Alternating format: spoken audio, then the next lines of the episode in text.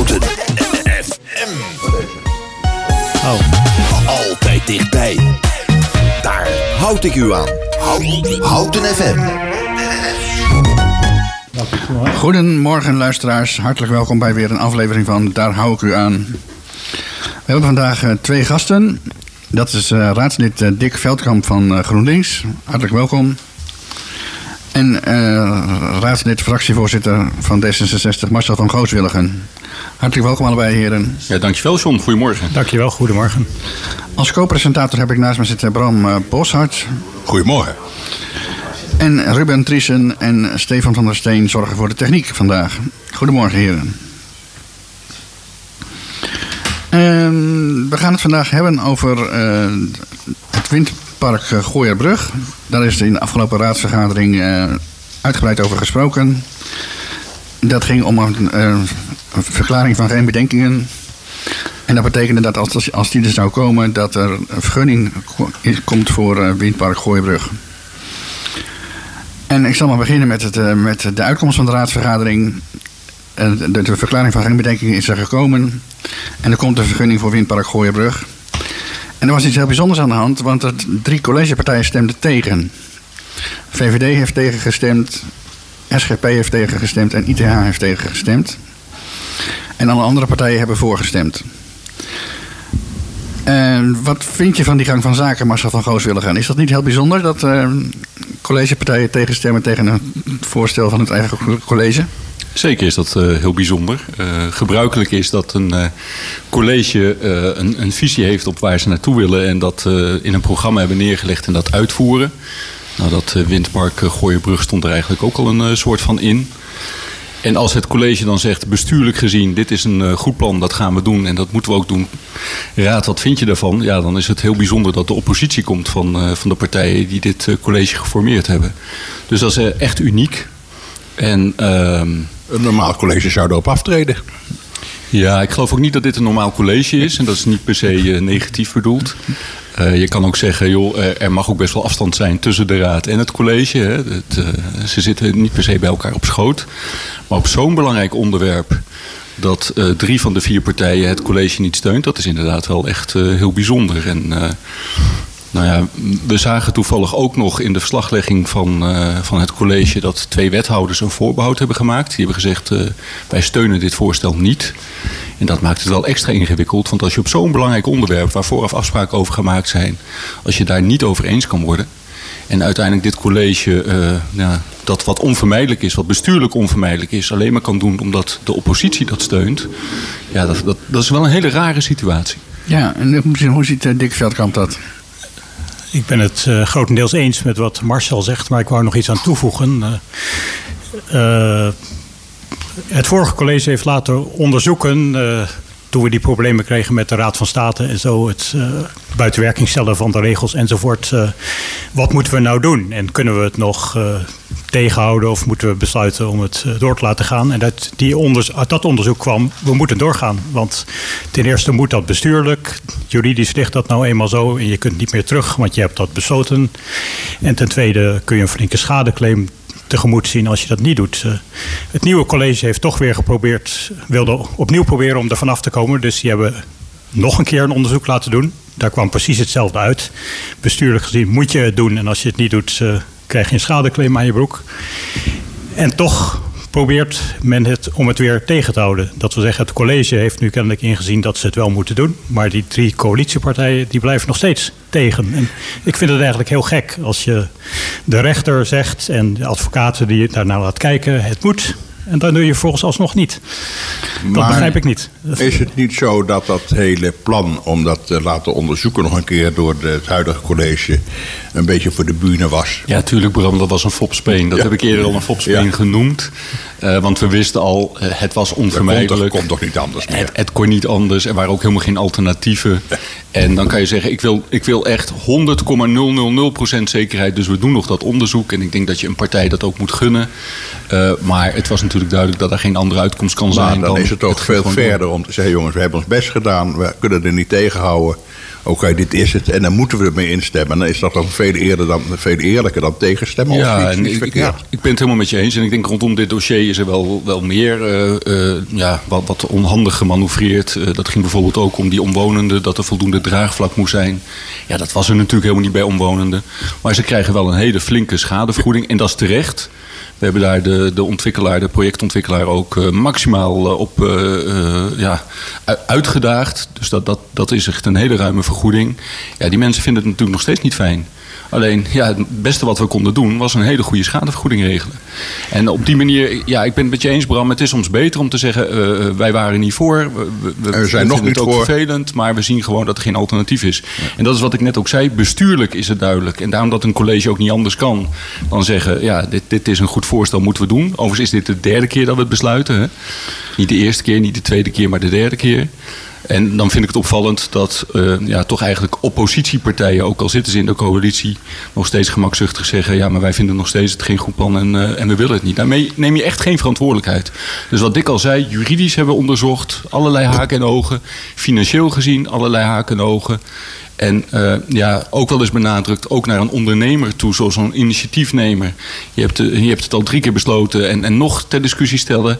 Ehm, en wat ik zelf lelijk vind, dat is de variant eh, laten we nog wachten, want er komt er nog nieuwe informatie. Ja. Dat was in september was dat al het geval. Toen gingen we op een plan MER wachten, een milieu- milieueffectrapportage. Nou, inmiddels is duidelijk dat het nog heel lang gaat duren voordat die gaat komen. Nu is er weer een arrest in Delf- Delfzijl, waar een soort gelijk windmolenpark komt, waarop we zouden moeten wachten. Het was volstrekt duidelijk dat de Raad van State heeft gezegd: je moet in oktober een besluit nemen. Ja. De Raad van State wist ook, er komen allerlei onderzoeken en er komt allerlei nieuwe informatie. En die heeft ook niet gezegd: wacht daar nog even op, want het moet zorgvuldig. Die heeft gewoon gezegd: je moet zelf aan de slag. Nou, de vorige keer in september was het, laten we op die plan MER, die milieueffectrapportage wachten. Nou, het is duidelijk dat die nog lang niet komt. Nu was weer, laten we op de uitslag van Delfzijl wachten. Het is duidelijk. Ook al krijgen we die in februari, maart, dan zitten we ook weer maanden te denken: wat moeten we ermee en wat kunnen we ermee? Dus ja, dit, dit, ja, dit is alleen maar uitstel om het uitstel. Ik ben nog, John, als ik nog één ding mag vragen. Het integreert me de, de, het feit dat twee wethouders een eh, voorbehoud hadden gemaakt. Welke wethouders waren dat? Of mag ik dat niet weten? Ja, volgens mij is het gewoon publieke openbaar, informatie. Ja, ja. Ja? Dus dat eh, Wouter van den Berg en eh, wethouder Molenaar. wethouder Molenaar. van Ja. den Berg. Molenaar, ja. Ondanks dat het Molenaar heet, kon ik even niet op de naam komen. Ja, wethouder Een Molenaar. hele aardige, eh, charmante vrouw overigens. Wethouder Molenaar en eh, wethouder van den Berg. Zeker. Dus Ja, ITH, ja. ITH en SGP. En de heer Ja. Van den Berg is ook een hele charmante man trouwens. Uitermate, uitermate. Maar ehm, even kijken. In de vergadering van eh, vorige Dinsdag? van afgelopen dinsdag waren VVD en ITH die waren weer een beetje op de koers van we willen nog graag eh, uitstel om, om eh, ja, zoals eh, Marcel dat zei, vanwege een mer of vanwege het, het Raad van State besluit bij Delfzijl wat er moet gaan komen. Dus die hadden graag nog uitstel gezien van het besluit. En dat was de vorige keer ook al zo, maar dat, dat heeft het allemaal niet gehaald. Nee, dat klopt. De andere partijen hebben dat weggestemd. Ja, wij dachten dat dat eh, nou ten eerste bestuurlijk helemaal niet kon. Want de rechter heeft gezegd, je moet op 15 oktober besluiten. Dat ligt dus al ruim achter ons, we zijn al over tijd. En nog een andere belangrijke overweging is dat eh, stel je zou wachten... Hè, en dan komt er eerst een arrest en zo... en dan neemt eh, gemeente Houten een nieuw besluit... dan komt dat alsnog bij de Raad van State weer terecht. Want er zal zeker beroep worden aangetekend. Dan kun je dus beter zeggen, laten we nou gewoon nu een besluit nemen... En dat komt ook bij de Raad van State. Dus in alle gevallen gaat de Raad van State er nog een keer naar kijken. Dus dan kun je het beste gewoon nu besluiten. En dan ben je het snelste klaar met die hele kwestie. Dat, dat was ook een beetje de teneur van de wethouder volgens mij. Die, die, die in- instak op van, dit wordt wat je kip en ei verhaal. Laten we maar gewoon besluit nemen en dat Ja. naar de Raad van, Raad van State laten gaan. En dan zien we wel weer. weer- Ja, dat klopt ja, ook. maar het is Dus- toch een rare en rare figuur om te, om te re- te regeren, om te besturen via de Raad van State. Want dat is eigenlijk wat we doen. We laten het voortdurend raar uit de hand lopen. En dan zeggen we, oké, nou, nou laten we de Raad van State er maar even naar kijken. En dan gaan we nog een keer nu beginnen. Nee, Bram, Nee, dat is zo een ligt beetje niet. flauw. Dat is Ja? een beetje flauw. Eh, overigens vond ik de vraag in de raad ook flauw. Eh, ik, ik had beloofd mezelf eh, helemaal op de vlakte te houden en me niet met het debat te bemoeien. Want Marjan Boonzaaien kan dat meer dan goed. En ze deed het afgelopen week ook weer heel goed, vond ik.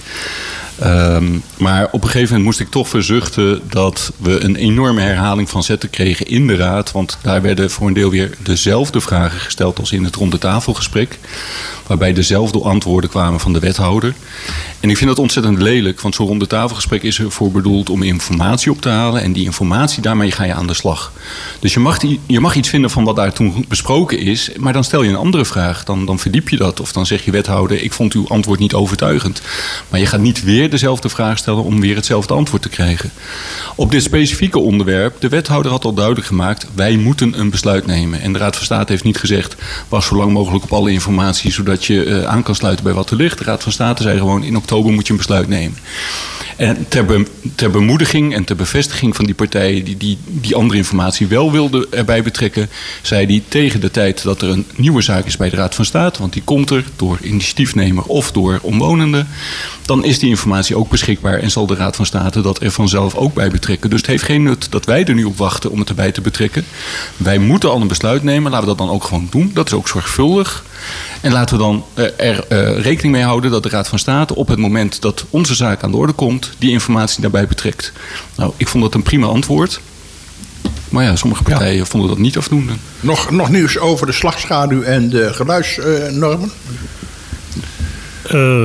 nou, niet in de laatste raadsvergadering, maar de vorige keer heeft uh, de raad enerzijds gezegd uh, de gebruikelijke norm voor geluid, uh, die vinden wij in orde. Maar de slagschaduw, dat willen we graag terugbrengen naar nul. En uh, GroenLinks en D66 waren daar eigenlijk niet voor. Want wij denken ook dat de bestaande norm gewoon goed werkt uh, op talloze windparken in Nederland. Maar dat is nu eenmaal besloten. Slagschaduw willen we nul. Dus, en, dus nu ligt het zo. Uh, en de geluidsnorm is 24 L den, zeg ik dat goed? De geluidsnorm is uh, ja, 47 LDN. 47 LDN, okay. Maar je kunt misschien, ik denk al, je kunt beter denken in echt geluid. En, dan heb je het over s'nachts, want s'nachts is altijd het vervelendste. En s'nachts heb je dan 41 decibel aan de gevel. En dat is niveau stille bibliotheek. Dus dat, dat is echt vrij laag. Dan wil ik helemaal niet zeggen dat je dan geen hinder kunt hebben. Dat is er wel. Ja. Maar het is echt een laag niveau. Oké, we gaan eerst naar een stukje muziek luisteren en dan praten we nog even verder over het windpark Gooienbrug.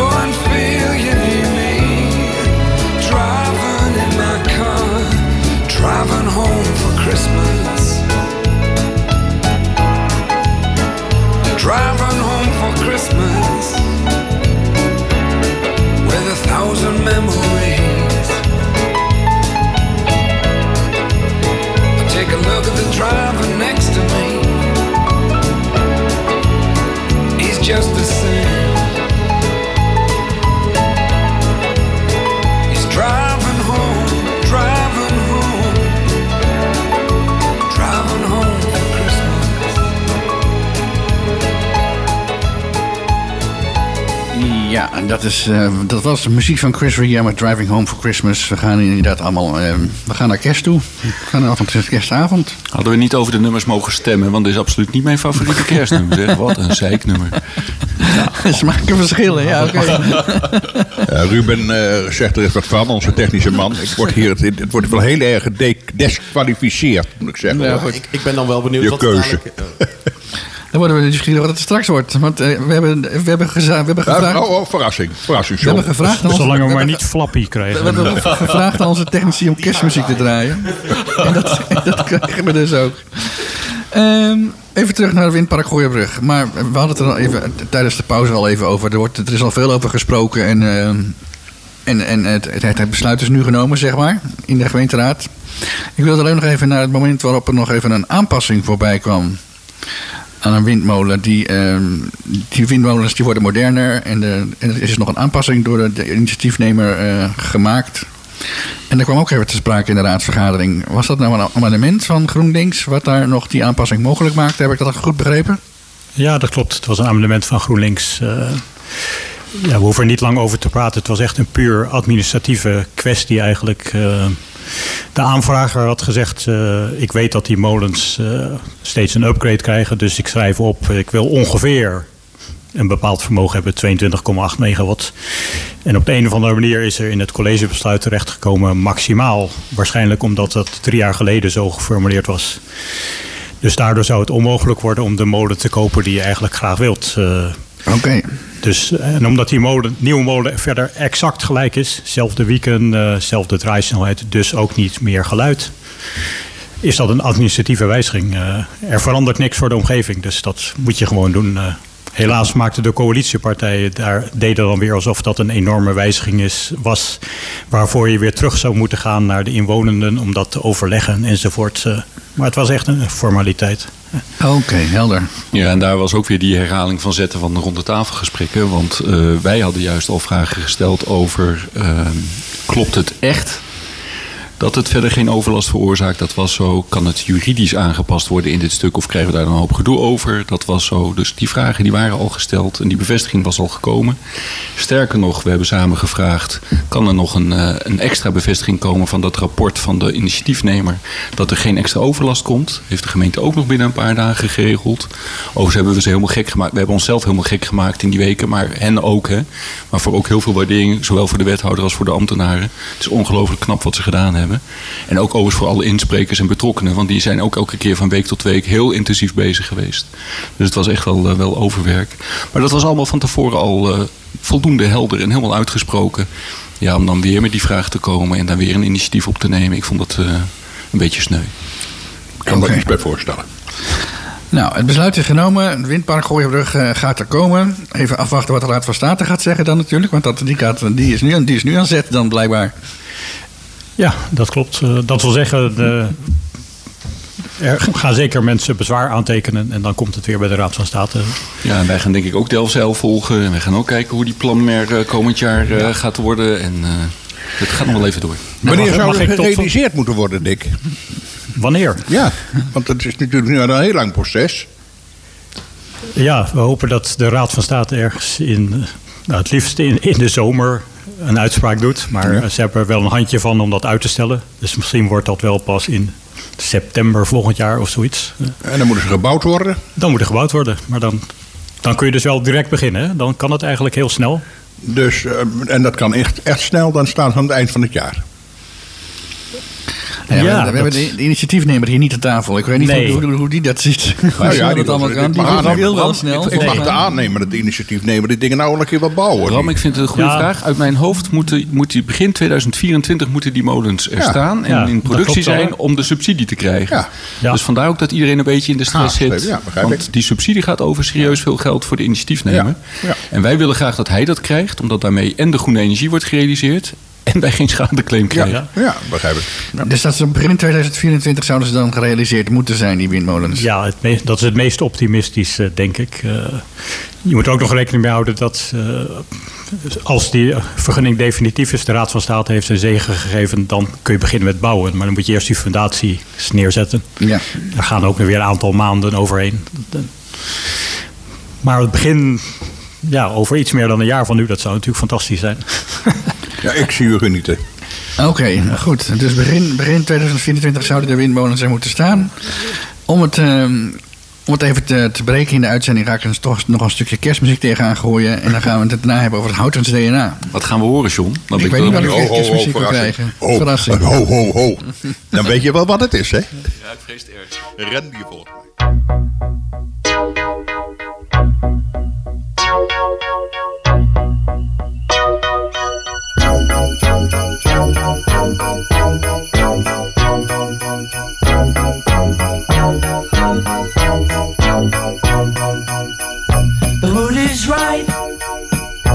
Spirit's up.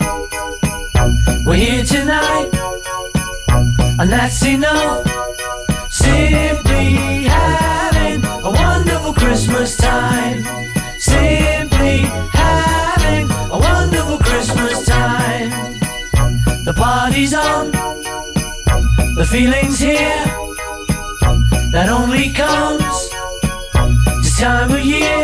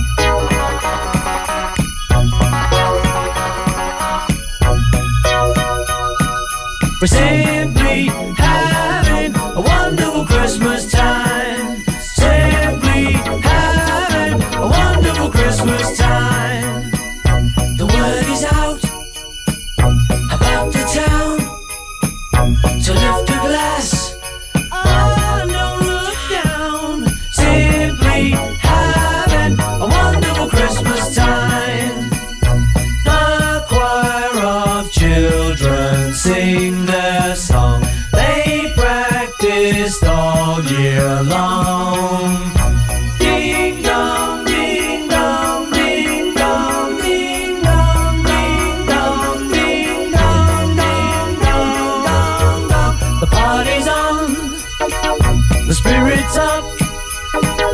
We're here tonight and that's enough.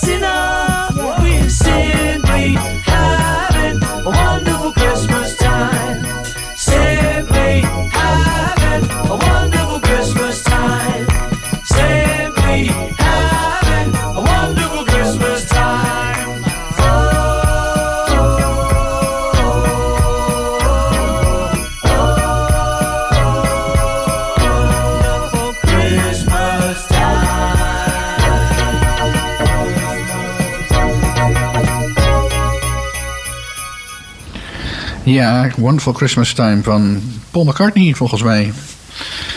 Ehm, we gaan het hebben over het Houtens DNA. En dan is de vraag, wat is het Houtens DNA? Ja, dat is de vraag nou juist. Daar gaat het college zich over buigen. Die heeft eh, initiatieven genomen om dat eh, op te halen bij de inwoners van Houten. Bij de raadsleden, bij, bij iedereen die maar eh, inbreng wil geven over wat het Houtens DNA is. En we kunnen hier vast een voorzetje nemen. En ik heb naast mij heb ik, eh, een co-presentator, eh, Bram, die heeft zich erin verdiept eh, van, vanmorgen nog specifiek. Ja, daar heb je gelijk. Want ik vraag me heel nadrukkelijk af, wat is het houders-DNA? Daar wordt, wordt eh, echt wel serieus naar gekeken. Je kunt de website niet openslaan van de gemeente... of je kunt de- krant niet openslaan... of we hebben het eens voor over het houders-DNA. We hebben daar natuurlijk vorig jaar natuurlijk nogal wat over gesproken... in verband met de bouw, met de nieuwbouwplannen... met, de nieuwe, met college en noem het allemaal ingewikkeld... Eh, even, misschien is het leuk, eh, Marcel, om te vragen... wat is het houders-DNA voor, voor, volgens, eh, volgens eh, D66? Het Houters DNA is een eh, ongrijpbaar begrip wat iedereen gebruikt om zijn eigen gelijk te halen. Dat, nou, dat is een mooie, mooie korte samenvatting. Dick, een mooie- hoe zie jij het? Ehm, dat denk ik ook wel. Maar wat er nog bij komt, is dat er een zekere nostalgische gevoelens aan vastzitten. Een, eh, hout en groen, fietspaden, dorpskarakter. Dat soort dingen. Huisje met tuintje ook vooral. Ja, ja. En Nou, dat, dat is vooral erg gebruikt in de discussies toen over de ruimtelijke koers. Om die ruimtelijke koers weg te zetten als onhoudens en tegen ons DNA. Oké. Dus die associatie heeft het een beetje. Maar verder is het eh, inderdaad wat je ervan wil maken. Oké, nou dat, dat is duidelijk. Ehm, Ah, ik, Bram, ik, Bram, misschien is het toch eerlijker als ik een beetje serieus aanvul. want- nou, ik vond het, ik, ik klonk redelijk serieus, maar je mag je wat toelichten hoor, graag. Ehm, ik denk dat we in Houten eh, een, een, een mooie gemeenschap hebben neergezet. Dat we daar fijn wonen met z'n allen. En dat iedereen zoiets heeft van dit is wel echt geslaagd. Dus dan is er een risico dat je allerlei dingen gaat ondernemen waardoor het eh, minder wordt. Eh, dan roep ik in herinnering hoe Houten Zuid is ontwikkeld. Waarvan iedereen ook dacht dat het helemaal in strijd was met, met Houten Noord. Terwijl het eigenlijk een hele geslaagde serie woonwijken heeft opgeleverd. Waar heel veel mensen met heel veel plezier leven. Wat we nu heel normaal vinden. Dus wat mij betreft is het Houtens DNA dat we om ons heen kijken hoe de wereld zich ontwikkelt. Dat we ruimte creëren voor iedereen die een plek nodig heeft. Dat we elkaar een beetje in de gaten houden. En dat we ervoor zorgen dat iedereen daar ook een plek kan krijgen. Samenleven, groen om, eh, om lekker naar buiten te gaan, elkaar te ontmoeten. Maar ook, en, en dat is een beetje waar, waar Dick ook al op zat. We zitten nu in een fase dat veel jongeren geen betaalbare woning kunnen vinden. Dat veel senioren geen passende woning kunnen vinden. Dat betekent dat we in Houten iets moeten veranderen om als gemeenschap heel te blijven. Om met elkaar door te kunnen gaan. En dat no- nostalgische waar Dick het over heeft, dat heb ik ook. Want ik vind Houten mooi en het verleden van Houten vind ik mooi. En maar waar zit dan die nostalgie in, eh, Marcel? Nou, dat we Waar denken... vind je die nostalgie, vraag ik me af. Dat we denken dat als er meer rijtjeswoningen in Houten Oost worden gebouwd, dat dan onze senioren opeens wel een passende woning hebben of onze jongeren opeens dat wel kunnen betalen. En voor de duidelijkheid, een rijtjeswoning in Oost, dat kan een gemiddelde starter niet betalen. Het college wat met de doelgroepenverordening had gesteld tot 4 ton, vinden we betaalbare woningen. Daar gaan we eh, eh, regels voor maken. 4 ton, jongen, jongen, jongen. Ik, ik ging bijna vloeken nu, maar dat wil ik niet doen net voor kerst. Maar 4 ton is natuurlijk absoluut onbetaalbaar voor jongeren en voor starters. Dus we moeten oplossingen vinden om hen erbij te houden. Want zij zijn ontzettend belangrijk voor de vereniging in Houten, voor de leefbaarheid in Houten, voor, voor de ondernemers in Houten. Dus we, we moeten ook echt een plek voor hun creëren. En dat is niet die rijtjeswoning eh, met, met eh, twee parkeerplaatsen voor de deur. Nou, ik denk ook dat je wellicht een hele, eh, dik, eh, een hele andere visie hebt eh, op het Houdens DNA als je vraagt aan iemand uit Schalkwijk of iemand uit Twaal. Of wanneer iemand vraagt in het oude dorp. Om maar wat te zeggen. Ja. Ik bedoel, wij krijgen ook de vraag. Ik kom toevallig uit Tullentwaal. Ja. En ik kreeg daar de vraag: ik wil mensen interviewen door de, de betreffende eh, dame. En die zegt: kan ik, wie kan ik interviewen in, in, in, in, in Tullentwaal over het Houders DNA? Ik zei: wij hebben hier niks met het Houders DNA. We hebben hier iets met het Tullentwaalse DNA. En dat staat echt ver weg van de nostalgie Maar- waar jullie het net hebben. over hebben, Maar, denk maar, ik. maar Bram, Bram, is het niet zo dat het Houters DNA geldt voor de gemeente Houten? Of moeten we dat... eh, Nee, natuurlijk geldt het voor de gemeente tot- Houten, tot maar ik heb- Houten? Nee, dat wil ik nou juist aankaarten. Ik denk dat het juist zo heel, het moet gelden voor de hele gemeente Houten. Maar ik beluister eigenlijk dat het voor de kern van Houten zou moeten gelden. Dat is dat, die nostalgie die ik eromheen voel. En dan denk ik, ja, is dat nou wel DNA? Of is dat gewoon eh, houden wat we hebben? En, en, en vooral zuinig op zijn. Dat ik wil Ja. ja, ik zou zeggen, eh, gebruik dan niet steeds dat, eh, dat onduidelijke begrip Houtens DNA, waar iedereen eh, het zijne van denkt, maar ga naar de kern. Waar draait het nou werkelijk om? En ik denk dat je dan ook wel waarden hebt die ook gelden voor de kleine kernen en voor de bebouwde kom. Bijvoorbeeld eh, sociale cohesie, een omgeving die genoeg groen is, eh, dat je makkelijk met de fiets overal kunt komen, dat soort dingen. De- en daar is iedereen het ook over eens. Dus Ik denk dat u aardig op eh, Ja. dat en, en dat D66 en, en GroenLinks aardig op in lijn zet, als ik het zo hoor, of niet? Nou ja, wat, wat ik moeilijk vond in het eh, gesprek, want we hebben ook in de raad met eh, wethouder Molenaar erover gesproken. Voor je het weet gaat het toch weer over eh, 40 jaar geleden Derks die, die iets moois heeft bedacht. En die heeft ook iets moois bedacht. Maar als de enige concrete deelnemer in het proces wat we de komende tijd gaan ondernemen Derks is, dan heb ik daar moeite mee. Want ook vijf jaar geleden hebben we een toekomstvisie op houten eh, ontwikkeld. Er zijn heel veel inwoners bij betrokken. Er zitten heel veel mooie componenten in. Bijvoorbeeld die sociale cohesie waar Dick het over heeft. We willen ruimte bieden voor iedereen en we willen betrokkenheid eh, stimuleren van iedereen.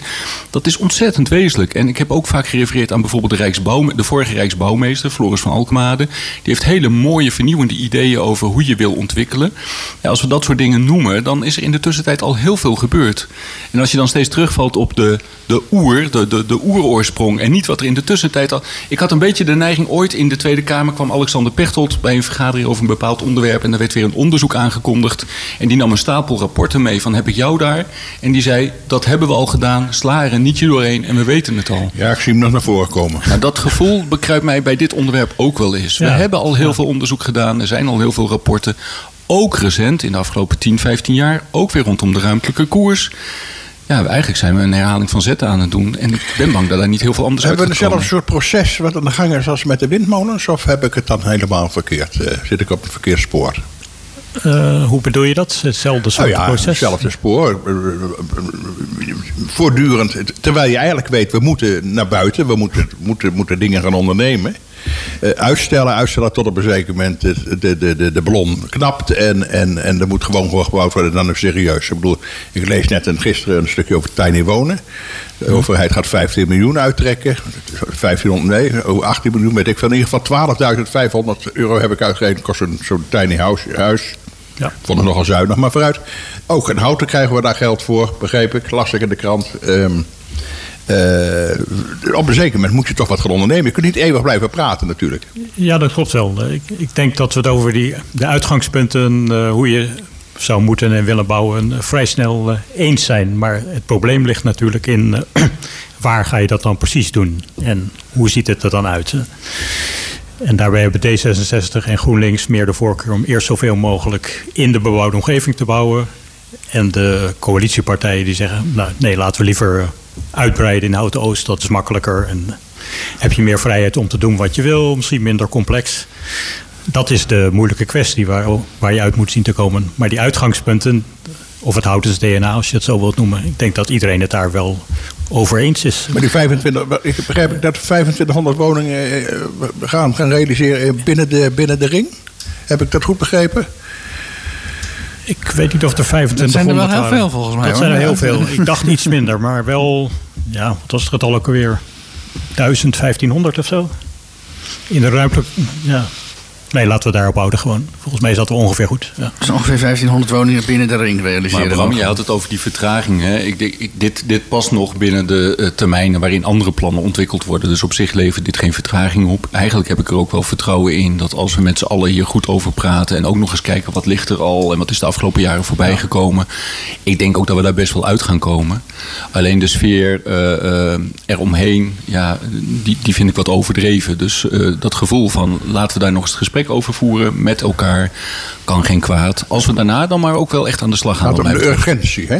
Eventjes, Ja. nog even, misschien even Maar Bram, maar die urgentie die zit bijvoorbeeld op die zeven locaties waarvan we hebben gezegd in Houten, daar gaan we alvast mee aan de slag. Ja. En daar mis ik de urgentie. Want met- daar wordt nu heel erg nagedacht over integrale plannen, integrale afwegingen. Terwijl de gedachte was, we gaan juist met die locaties vlot aan de slag. Dus daar maak ik me eigenlijk veel meer zorgen over. Want ook Houten Oost, ja, dat ligt er de komende acht of tien jaar toch nog niet. Dus het is goed om daarover na te denken. Het is goed om daar goed plannen voor te maken. Dan kunnen wij er nog altijd heel kritisch over zijn, omdat wij het zonde vinden van het landschap. Maar laten we vooral kijken wat we op korte termijn wel kunnen doen. Dus daar maak ik me eigenlijk veel meer zorgen over. Nog even die zeven locaties, dat is misschien niet aan alle luisteraars direct duidelijk. Maar het is eh, voornamelijk de molenzoom, denk ik, waar het meeste zou moeten Ja. gebeuren. Ja. Ja. Ik lees ook iets over de Essenkade. Dat gaat ook nog niet helemaal voorspoedig, begrijp ik. Dat blijft ook een top, top dossier, of niet? Want dan hebben we het ook over woningbouw, tiny houses, eh, eh, opvang van, van statusouders. Lees ik ook allemaal dingen over. Dan denk ik, jongens, dat is in het begin van het college, de vorming van het college, is daar breed uit over gediscussieerd. En dan was het een halleluja-stemming. Collegebreed, raadsbreed moet ik zeggen, werd er de motie aangenomen. Dit gaan we doen. En inmiddels liggen er alweer blokkades en moeilijke dingen. En het gaat allemaal niet zo voorspoedig. Wat is daar de status van? En om het, het is een mooi onderwerp trouwens voor de kerst, hè? Als je het opvangt en zo. Dat past helemaal in de- deze tijd van het jaar. hè. Ja, dat doe je goed. Voor zover ik begrijp is het plan eigenlijk wel eh, rond, dus wat je zou willen doen. Maar is het, zijn ze er financieel nog steeds niet uit? Dat is het laatste dat ik gehoord heb van wethouder Bos.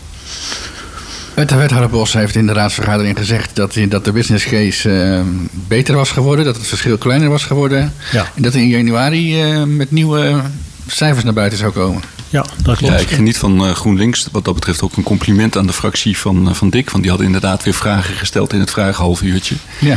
Eh, elke keer weer onder de aandacht brengen. Want we zouden eigenlijk voor de kerst zouden we de, de oplossing eh, te horen krijgen. Nou, dat kost nu toch weer twee, drie weken extra.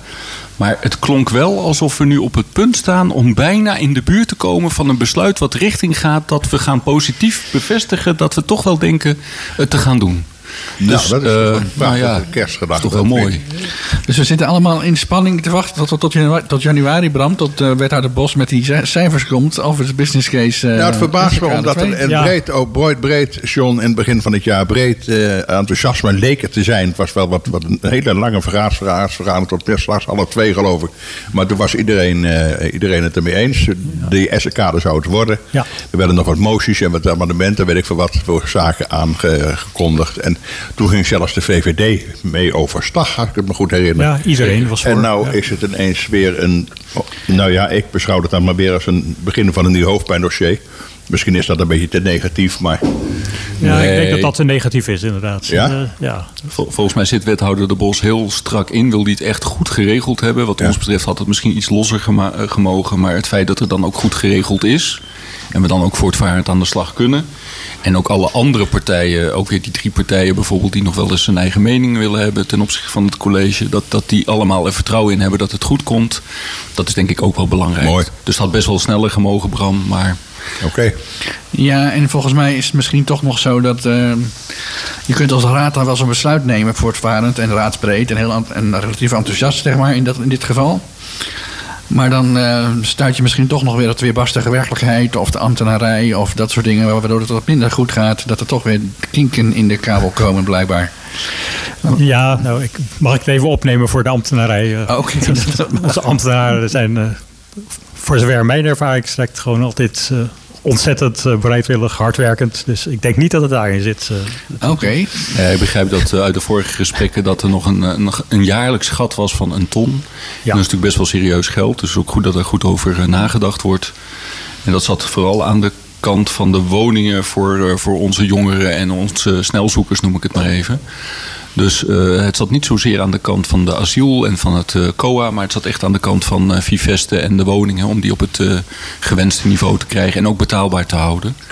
Dus nou ja, goed om te weten dat er zoveel zorg en aandacht aan besteed wordt. Op een gegeven moment mag er ook wel een knoop doorgehakt worden. Ja. Ja, en dat zijn dan misschien ook cijfers en dingen waar hardwerkende ambtenaren ook eh, tegenaan lopen. En die dan eh, hun uiterste best doen om het allemaal weer eh, op het rechte spoor te krijgen. We gaan naar een stukje, weer naar een stukje kerstmuziek luisteren.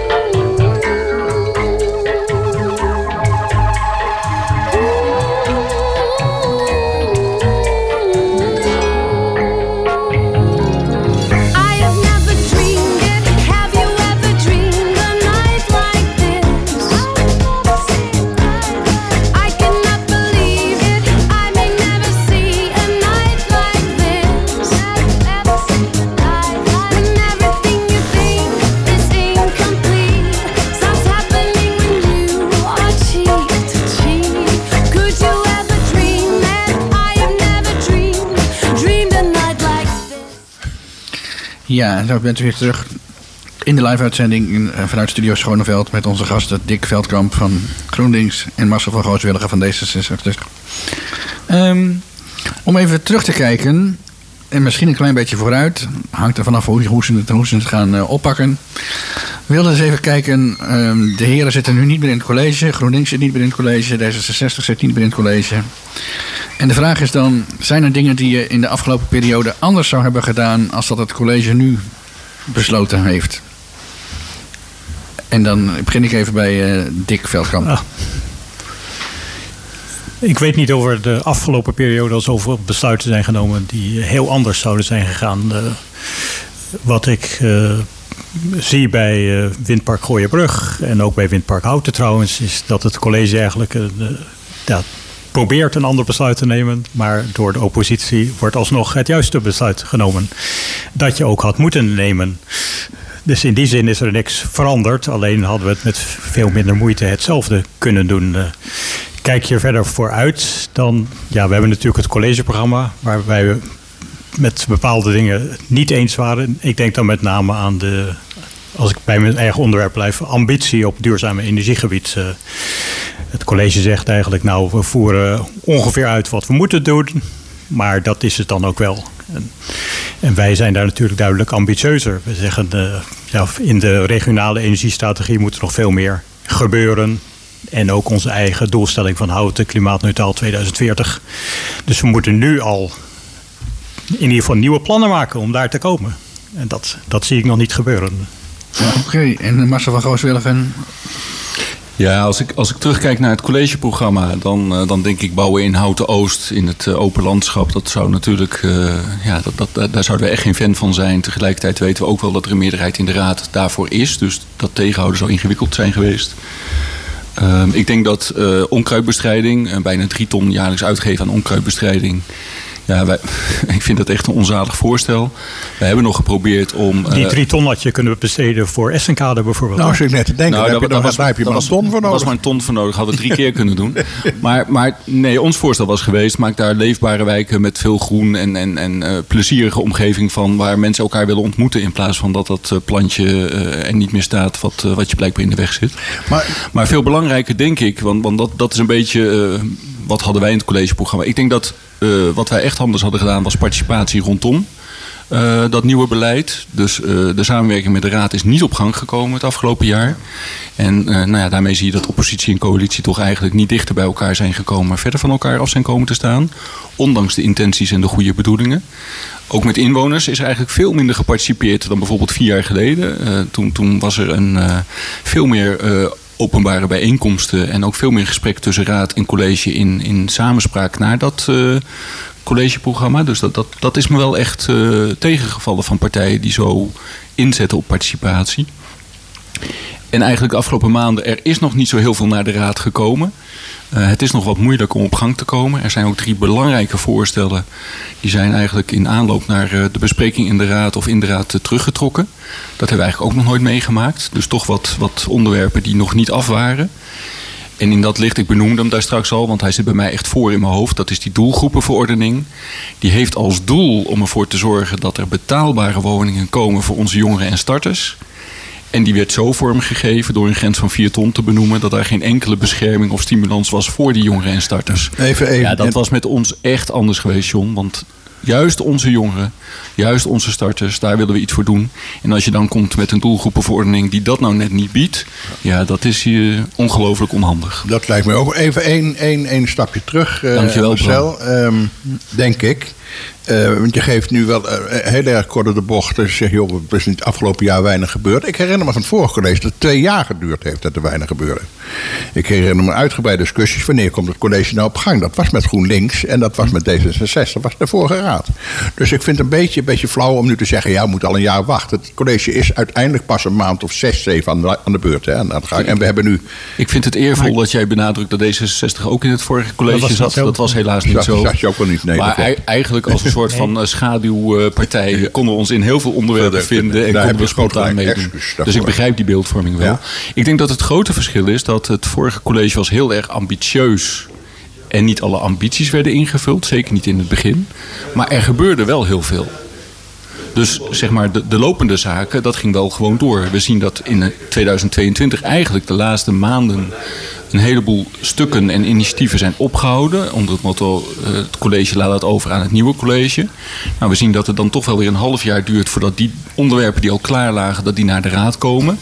En die onderwerpen die al klaar lagen en die dan uiteindelijk naar de raad komen en dan ook voor een deel weer teruggetrokken worden.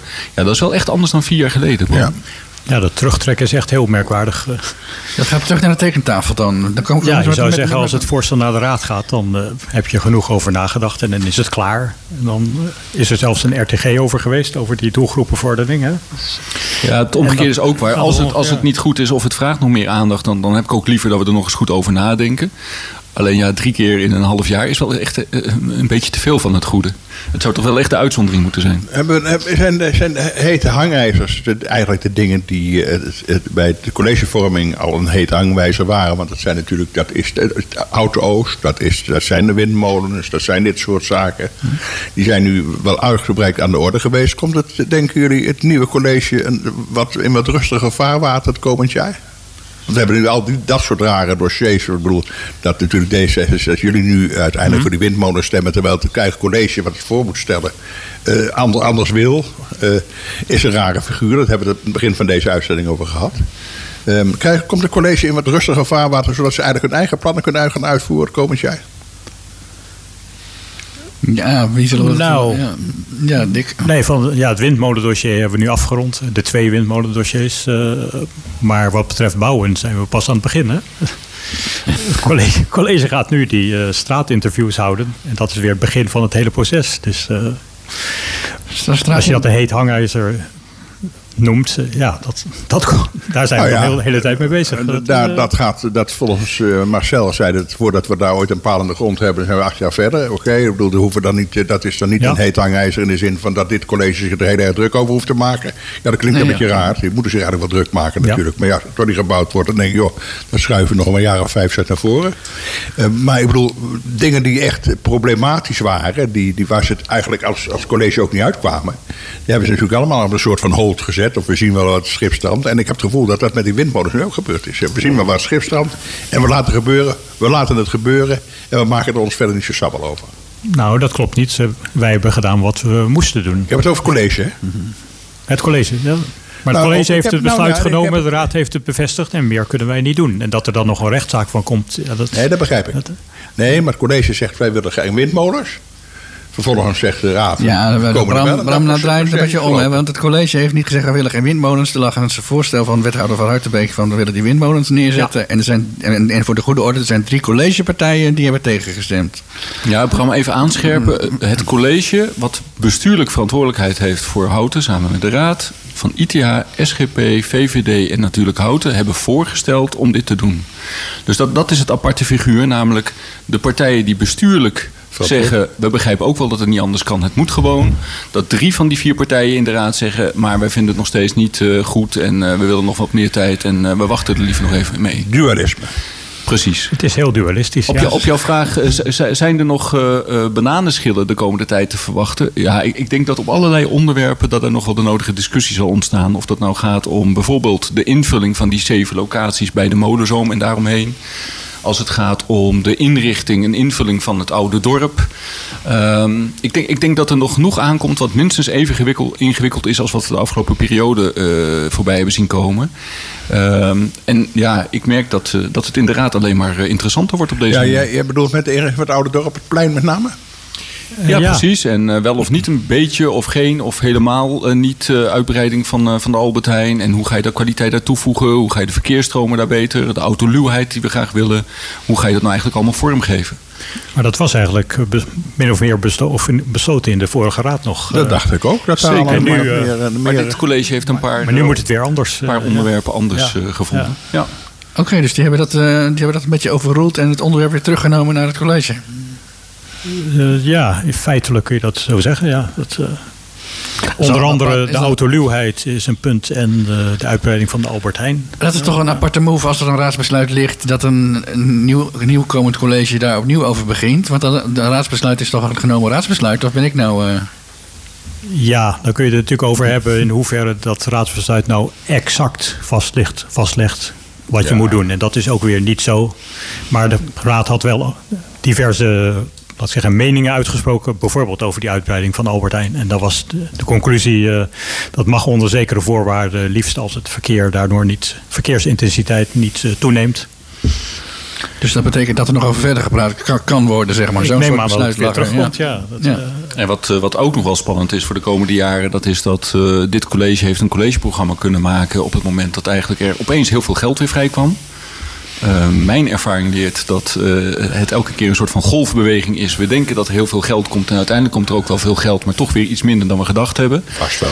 Dus het zou best wel eens kunnen dat de komende jaren dat, eh, dat het toch weer wat minder wordt. En dat we moeten nadenken over waar gaan we wat minder doen. En ja, als ik zie wat de agenda's zijn van dit college. En hoe hoopsnap dat ook in het collegeprogramma eigenlijk het wensenlijstje van de verschillende partijen is ingevuld. Ja, zonder grootse visie is het best wel lastig om het met elkaar eens te worden. Waar, waar gaan we het nu dan vinden? Dus dat, eh, dat vind ik wel een boeiende. En, en ja, een hele andere, maar die is ook echt van een hele andere orde. Ik zie dat een gemeente als Houten met een ambtenarenapparaat zoals in Houten, dat met alle ambities die we hebben, dat we die ontzettend zwaar belasten. Uh, dat er ook best wel wat, uh, wat ziekte en verloop is. Uh, dat we heel veel moeten investeren, bijvoorbeeld in ICT. Dus de vraag is ook in hoeverre de organisatie het Ja, allemaal aan kan. En daar heb ik ook wel wat zorgen over. En ja, ik, ik, ik hoop ook wel dat daar oog voor is en dat daar ook wel de nodige aandacht voor is. Ja, dat, dat hopen wij ook. Eh, we gaan dat volgen allemaal in de, in de komende jaren met dit nieuwe college. Dank jullie wel voor jullie aanwezigheid hier in deze uitzending. Marcel van Gooswilliger van D66, dankjewel. Dick Veldkamp van GroenLinks, dankjewel. We moeten er een eind aan maken, want eh, we zijn aan het einde van de uitzending gekomen. Fijne kerstdagen. Ja, fijne, dagen voor iedereen. allemaal, Fijne voor kerstdagen. iedereen. Ruben, dankjewel voor de techniek. Fijne kerstdagen allemaal. En 14 januari zijn we weer met een live uitzending met Wouter van, van den Berg van de SGP, de wethouder.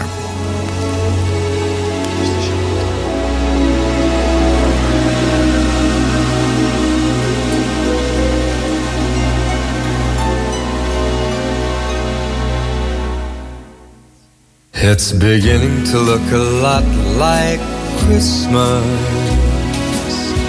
everywhere you go. Take a look at the five and ten, it's glistening once again with candy canes and silver lanes that glow. It's beginning to look a lot like Christmas toys in every store. But the prettiest sight to see is the holly that will be on your own front door. Pair of hop-along boots and a pistol that shoots is the wish of Barney and Ben. Dolls that'll talk and we'll go for a walk is the hope of Janice and Jen.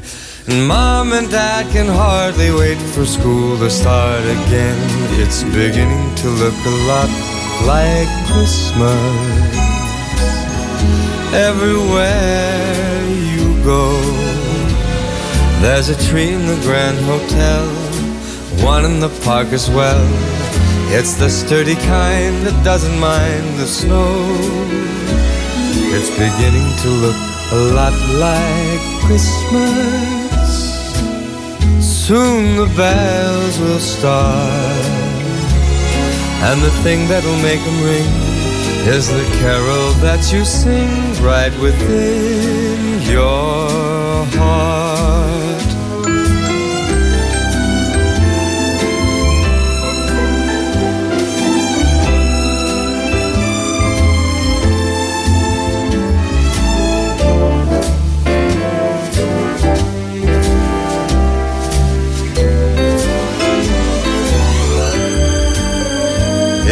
Beginning to look a lot like Christmas.